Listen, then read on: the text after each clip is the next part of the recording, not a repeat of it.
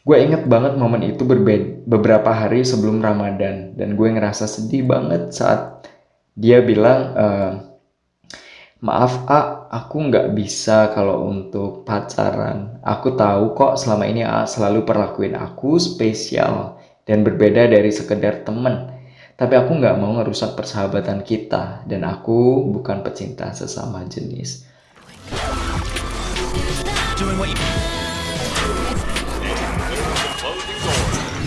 Blue FM.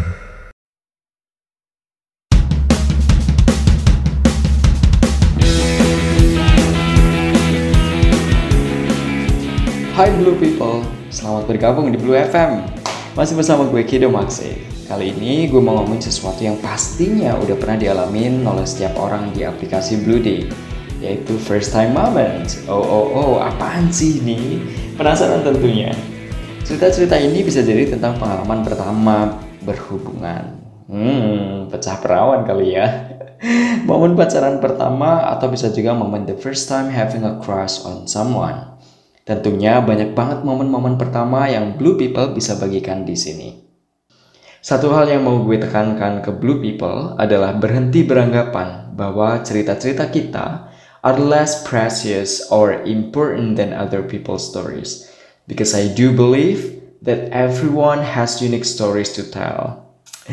Nah, semingguan ini gue udah coba kumpulin cerita-cerita dari Blue People yang udah kirim ceritanya ke at cerita underscore kido C-nya besar, K-nya besar terkait first time moment. Gue akan bacain beberapa yang menurut gue bisa banget untuk dibagikan dan diambil hikmahnya. Kalau gue pribadi, ceritanya dimulai sewaktu gue masih belasan tahun. Flashback ketika gue masih SMP ya. Nah, waktu gue masih SMP, uh, eh, gue mengalami sesuatu hal yang menurut gue sih aneh ketimbang orang-orang lain. Saat itu gue udah kelas 2 dan gue belum puber sama sekali. Orang-orang itu udah mulai uh, badannya meninggi, suaranya berubah, udah mulai kelihatan kumis, udah mulai bercerita tentang mimpi basahnya mereka. Tapi gue saat itu belum, masih belum ada apa-apa nih. Yang di dalam hati gue kayak itu beneran nggak ya? Gue gua ngalamin proses yang yang normal gitu sampai akhirnya uh, eh, gue cobain diri untuk menonton video-video uh, hot. Karena ide-ide gila teman-teman gue di sekolah uh, eh, gue berani diri untuk um, onani saat itu. Gue targetnya adalah gue pengen keluar dan gue pengen puber kayak gitu. Sampai akhirnya sembunyi-sembunyi dan gue berhasil pertama kali um, onani dan menurut gue perasaannya aneh banget. Kayak gue habis ngalamin sesuatu yang anjir kotor banget gue gitu. Ya kalian tahu lah pasti kalian pernah ngalamin rasanya gimana. Dan um, I keep doing that sampai karena awalnya rasanya nggak enak. Terus yang kedua jadi enak yang ketiga makin enak dan seterusnya seterusnya seterusnya. Sampai gue akhirnya ketagihan deh uh, melakukan hal itu gitu. Terus ketika gue SMA gue udah mulai ngerasa bahwa um, orientasi orientasi gue itu agak berbeda. Ketika gue nonton um, bokep nih atau cerita-cerita hot gue tuh nggak cuma fokus ke ceweknya aja tapi lebih ke dua-duanya. Sampai akhirnya gue tahu bahwa uh, gue nih nggak wajar. Gue bener-bener pertama kali tahu gue kayak gitu itu nggak tahu bahwa orang lain juga mengalami hal yang sama. Gue masih merasa sangat aneh bahwa gue jadi satu-satunya orang yang ah, punya kelainan nih. Sampai suatu ketika gue nonton acara malam hari waktu itu di salah satu stasiun TV swasta dan mereka ngebahas tentang uh, mereka yang menyukai sesama jenis. Sampai akhirnya gue tahu bahwa istilah yang mereka pakai adalah gay saat itu. Nah, mulai dari detik itu, gue sering banget searching tentang apa sih, apa sih, apa sih. Nah, ketika gue di SMA, gue sebenarnya udah tahu gue kayak apa. Uh, eh, gue udah jelas orientasinya bahwa uh, gue sebenarnya berada di keduanya atau bisexual. Terus gue saat itu belum belum pernah atau belum berani untuk melakukan apa pun yang nakal untuk diri gue sampai akhirnya ya the first time moments I engage with a guy is actually when I was di uh, semester 5 ketika gue kuliah karena gue merasa gue udah dewasa dan gue berhak menentukan jalan hidup gue arahnya ke mana. Nah detail ceritanya uh, saat itu gue masih serandom-randomnya karena punya satu sosok wanita yang gue cintai dengan sangat. Kami jadian dengan cara yang unik, menjalani kisah dengan cara yang berbeda. Tapi harus kandas karena dia nggak mau gue ajak nikah. Doi Kristen dan Batak, gue Muslim dan Jawa. But I loved her so much. Padahal dia bukan tipeku sama sekali. Momen putusan kami berdua bikin gue sakit-sakitan. Physically ya, sampai murung dan males makan. Nah saat itu yang ada di benak gue, uh, I cannot be like this for the rest of my life. I have been holding my another half of desire just to be only a good guy. Lalu gue bertekad untuk cobain hal yang selama ini gue hindari, yaitu berhubungan sama cowok. Saat itu ya.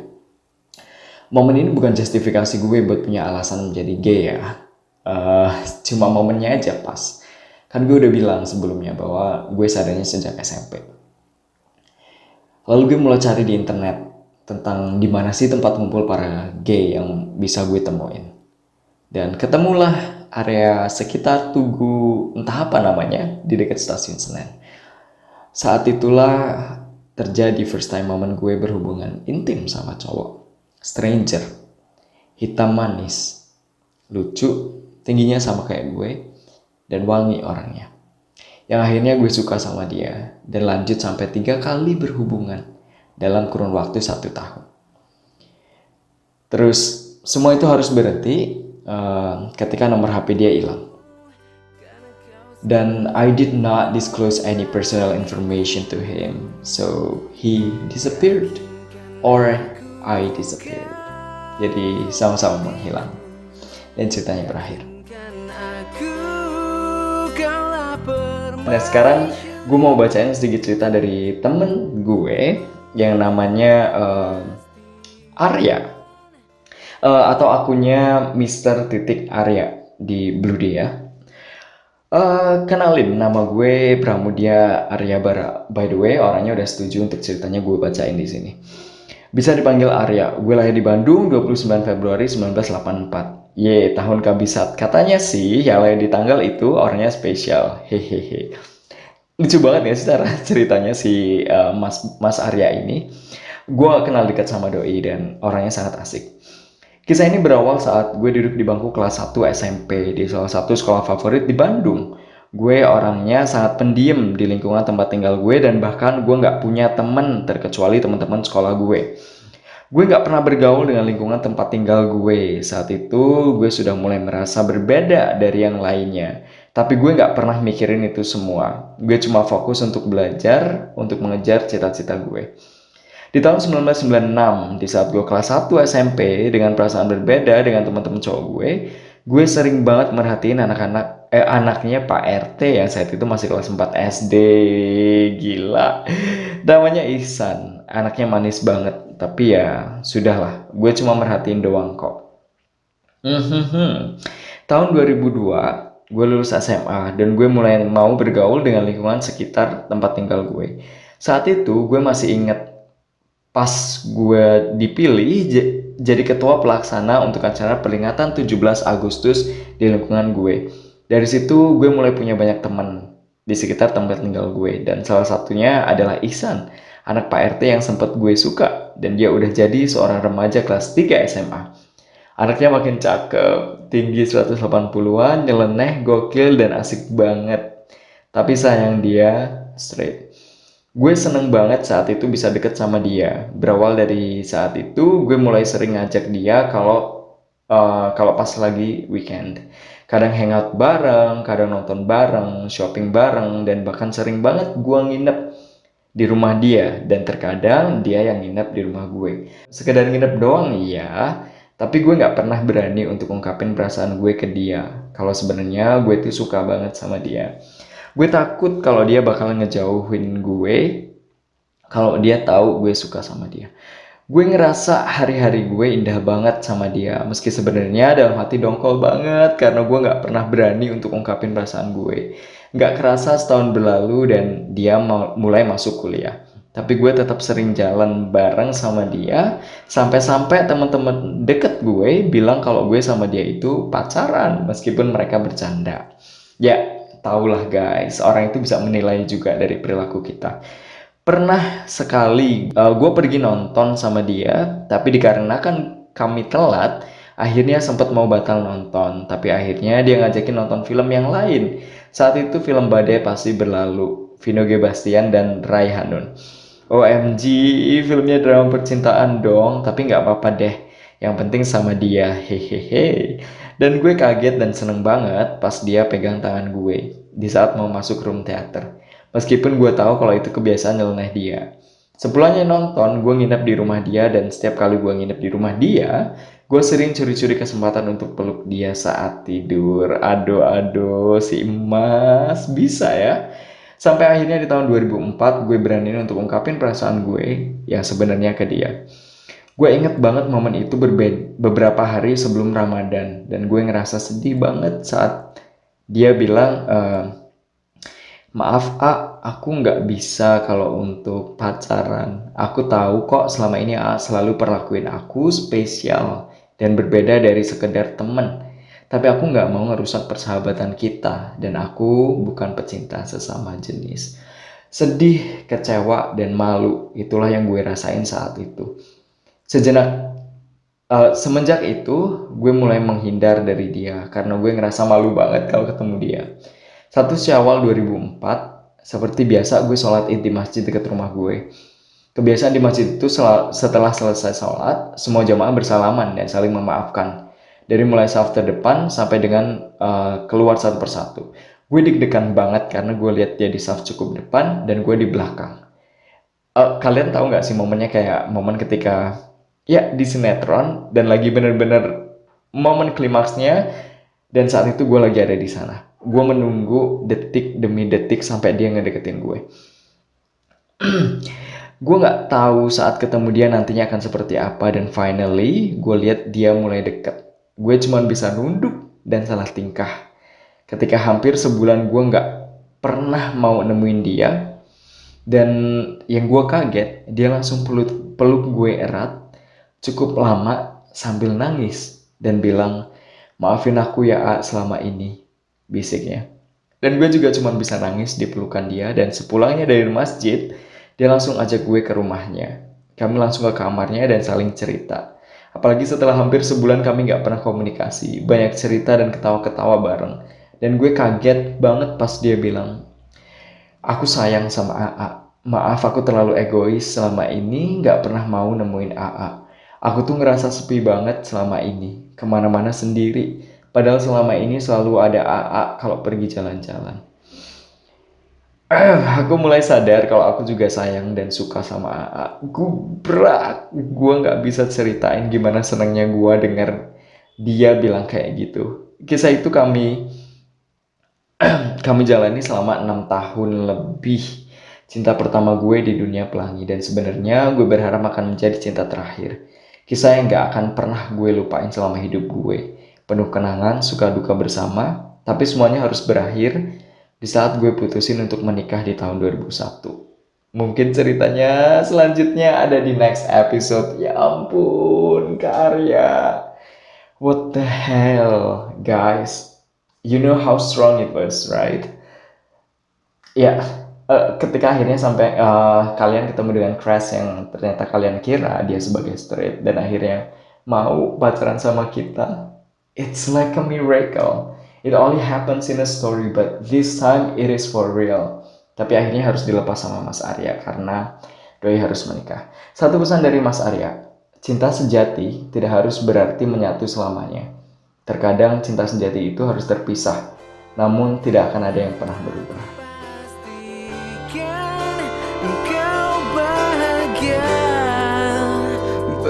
Bersama Aduh, menarik banget kan ceritanya. Nah, kebetulan cerita chapter satunya udah selesai. Tapi jangan khawatir, karena uh, ternyata Mas Arya udah nyiapin cerita chapter kedua. Yuk, langsung aja. Cerita ini dikasih judul 6 tahun bersamamu. Chapter 2 Making Love.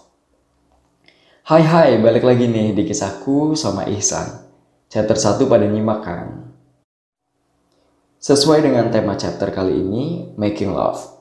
gue bakalan ceritain di saat pertama kali gue ML sama Isan pacar gue.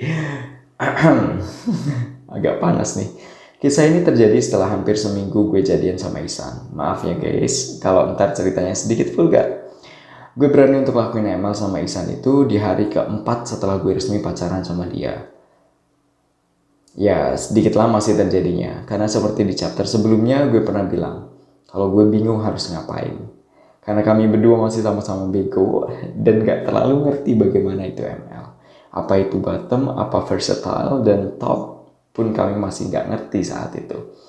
Yang gue sama Isan paham cuma sayang-sayangan, pelukan, dan kissing. Malam itu gue nginep di rumah dia seperti biasanya. Kamar dia kebetulan di lantai dua dan di lantai itu cuman ada kamar dia doang. Sambil dengerin siaran radio, uh, ya kebiasaan gue saat tidur cuma pakai boxer dan kaos doang. Sementara dia suka banget tidur pakai sempak dan sarung. Ahem. Malam itu kami tidur sambil pelukan, diiringi lagu-lagu melo dari radio. Gak tahu kenapa malam itu gue kok deg-degan ya, gak seperti biasanya. Au. Meski malam itu ngantuk banget, tapi mata gue rasanya nggak nggak mau terpejam dan pikiran ngelantur ke mana-mana. Sementara dia udah tidur dan gue cuman bisa pandangin wajahnya yang manis. Dengan sedikit keberanian yang tersisa, gue mulai menggaruk-garuk kepala, kepalanya. dan perlahan tangan gue mulai turun ke wajahnya. Dan sesekali gue pegang hidung dan bibirnya. Mungkin karena udah kebawa nafsu, tangan gue mulai turun ke bagian dada dan perut. Aduh, malu nih ceritanya. Lanjutin gak ya? Lanjutin dong pastinya.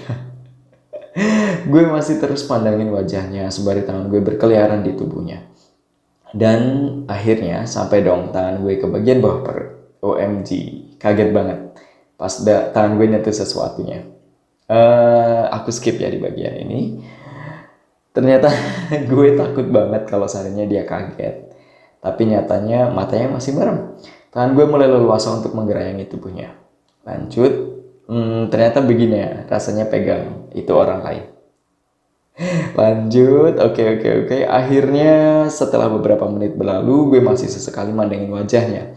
Ternyata matanya matanya udah kebuka. Gue malu banget meskipun dia pacar gue. Maaf ya, pengalaman pertama soalnya.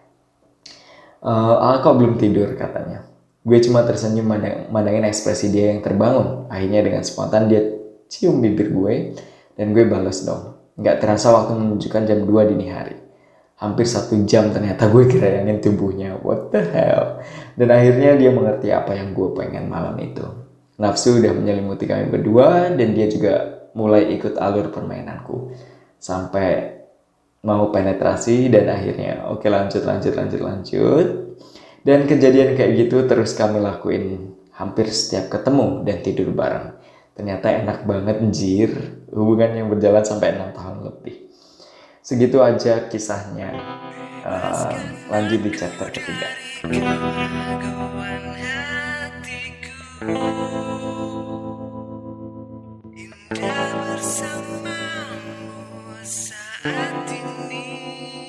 Buat yang pengen cerita-cerita juga, boleh banget cerita kalian dikirim ke at cerita underscore kido, C-nya besar, K-nya besar di aplikasi Blue Day. Tiap minggu temanya pasti akan ganti. Nanti aku bacain cerita kalian di live roomku di at kido underscore maxi. K-nya besar, M-nya besar. Bahagiamu kan selalu ku jaga Seiring rasa ini selamanya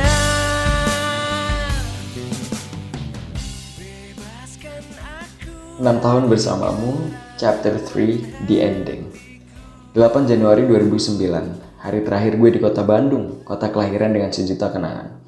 Gue harus meninggalkan kota ini demi karir, karena gue diterima menjadi seorang tenaga pendidik di salah satu SMK di kota Padang Sidempuan, Sumatera Utara. Hari terakhir gue di kota Bandung, gue habiskan waktu seharian bersama Isan. Pagi itu sekitar jam 10, gue dijemput sama Isan untuk pergi ke jalan. Keliling kota Bandung dan sampai siangnya kami sampai di Bandung Indah Plaza. Kami putuskan untuk nonton siang itu. Ya, filmnya Madagascar Escape 2 yang saat itu sedang booming. Sore harinya kami pergi ke daerah Dago Atas, tepatnya di salah satu kafe milik teman gue untuk ngumpul. Yang mana sehari sebelumnya gue hubungi temen-temen deket gue untuk minta kumpul dikarenakan gue bakal meninggalkan kota Bandung.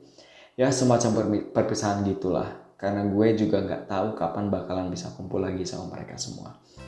Cerita-cerita seru-seruan kami lewati sampai hampir tengah malam. Saat itu mungkin jam 11 malam. Kakak gue nelpon. Lu di mana? Kok nggak pulang-pulang dari tadi pagi? Besok lu berangkat pagi lo ke bandara. Terdengar suara kakak gue di seberang telepon. Iya bentar lagi gue balik kok. Ini lagi kumpul-kumpul sama teman-teman dulu. Jawab gue.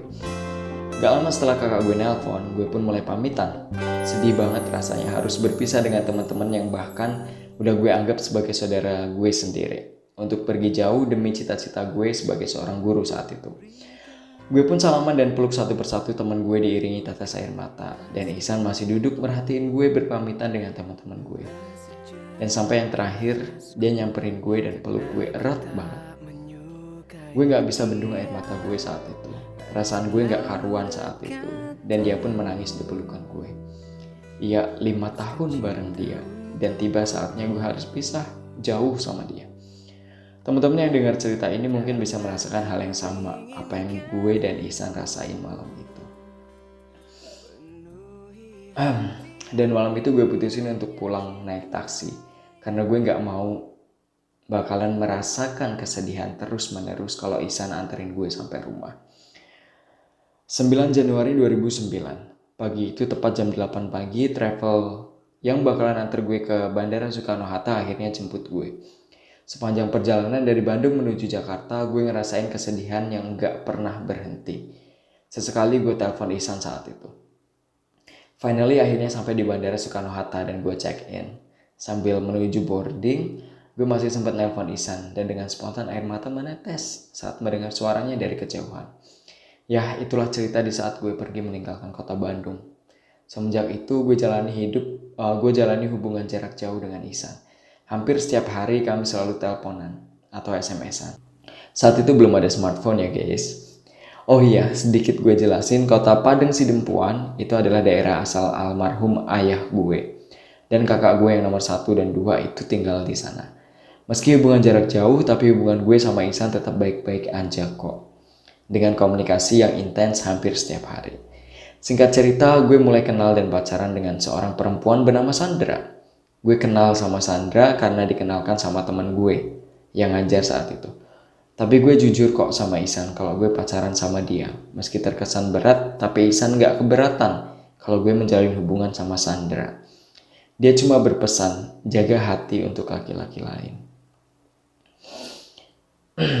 Dikarenakan tuntutan keluarga gue, akhirnya gue harus memutuskan untuk menikah dengan Sandra saat itu.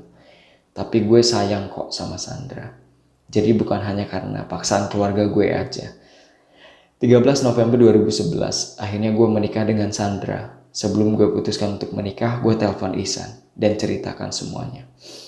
Sedih banget rasanya saat itu di saat gue harus akhiri hubungan gue sama Isan yang sudah berjalan 6 tahun lebih. Terdengar nada sedih dan parau di saat gue telepon dia.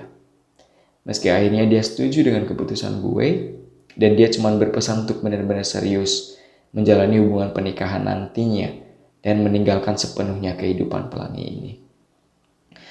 Dan gue juga berjanji pada diri gue sendiri untuk meninggalkan semuanya dan fokus untuk masa depan gue bersama Sandra.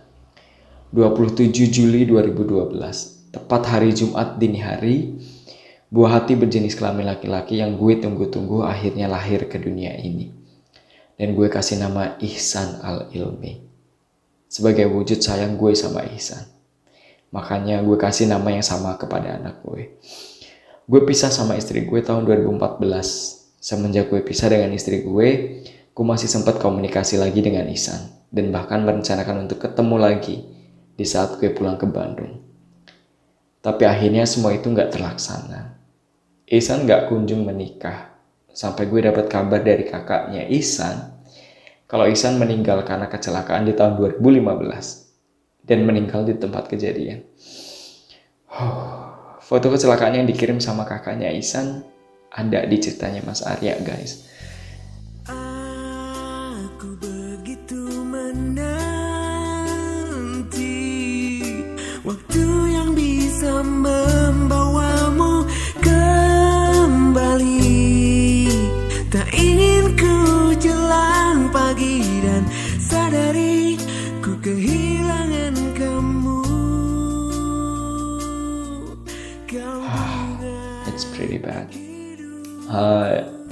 Mungkin segitu aja teman-teman cerita enam tahun bersamamu.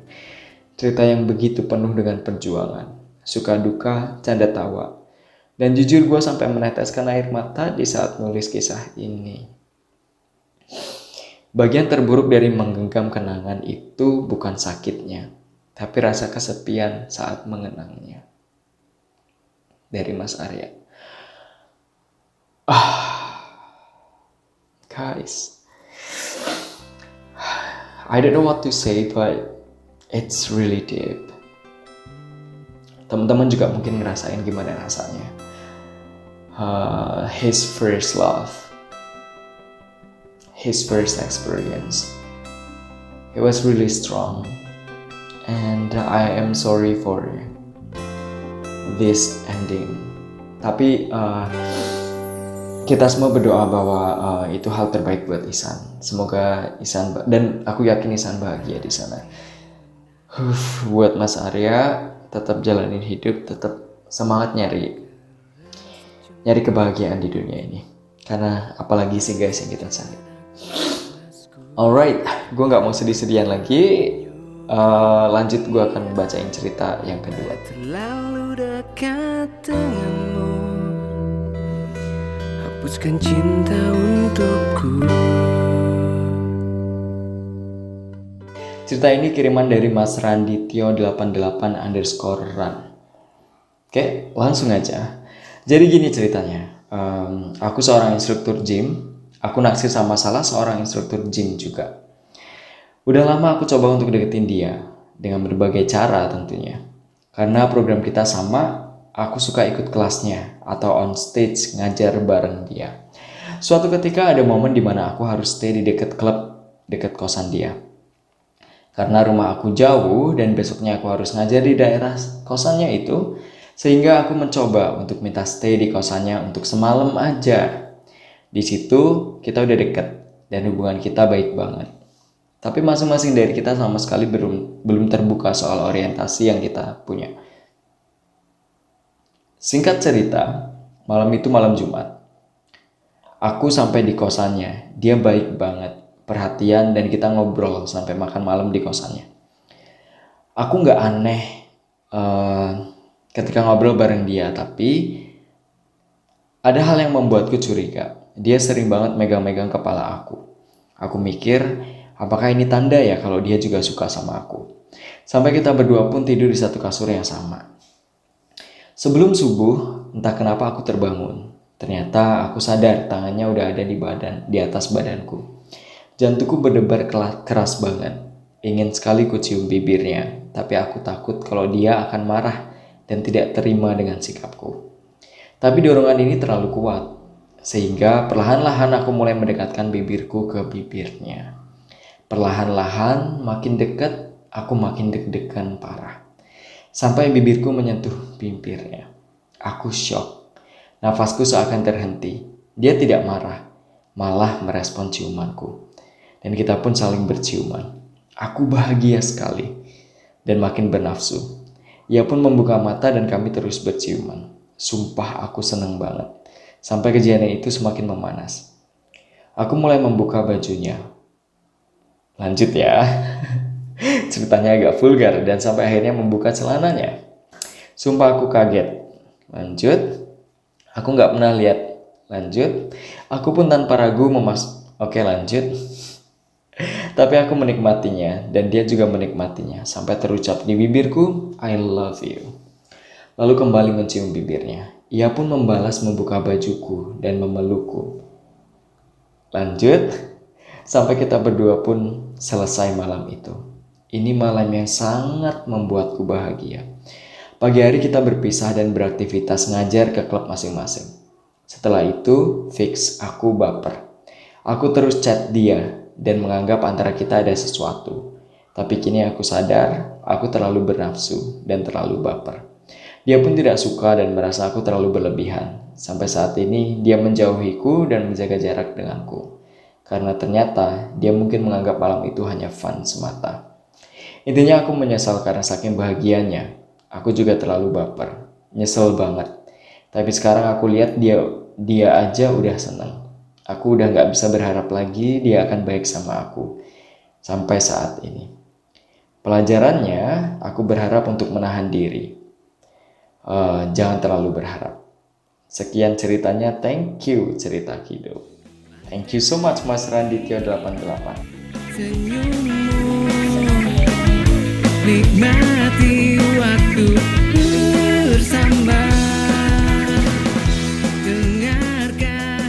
guys, ada hal yang mau aku sampaikan sebenarnya ke uh, blue people bahwa hati-hati dengan kebaperan kalian di dunia di dunia pelangi karena you exactly know what happened guys.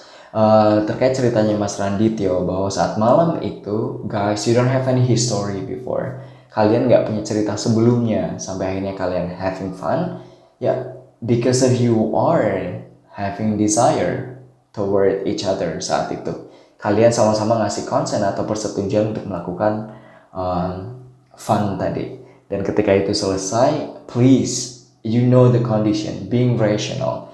Tolong jadi lebih rasional bahwa hubungan kalian selesai. Kalau misalnya kamu mau hubungan yang lebih serius, maka jalinlah dari awal lagi. Mulai sedikit demi sedikit membangun. Bukan karena kalian having fun, terus setelah itu kalian punya hak untuk menyatakan bahwa we are having fun because we have love we love each other. Nggak gitu. Alright guys. Thank you so much for your stories then. Blue People, sampai juga kita di penghujung waktu untuk episode kali ini. Buat yang pengen cerita-cerita juga, boleh banget cerita kalian dikirim ke at cerita underscore kido, C-nya besar, K-nya besar di aplikasi Blue Day. Tiap minggu temanya pasti akan ganti. Nanti aku bacain cerita kalian di live roomku di at Kido underscore Maxi. Hanya besar, M-nya besar. Terima kasih sudah menjadi pendengar yang sangat luar biasa. Dan tunggu cerita berikutnya yang tentunya akan menghibur uh, Blue People sekalian hanya di Blue FM. Gue Kido Maxi undur diri. Akhir kata, everyone has unique stories to tell. So, what are yours? Bye-bye. Bersamaku.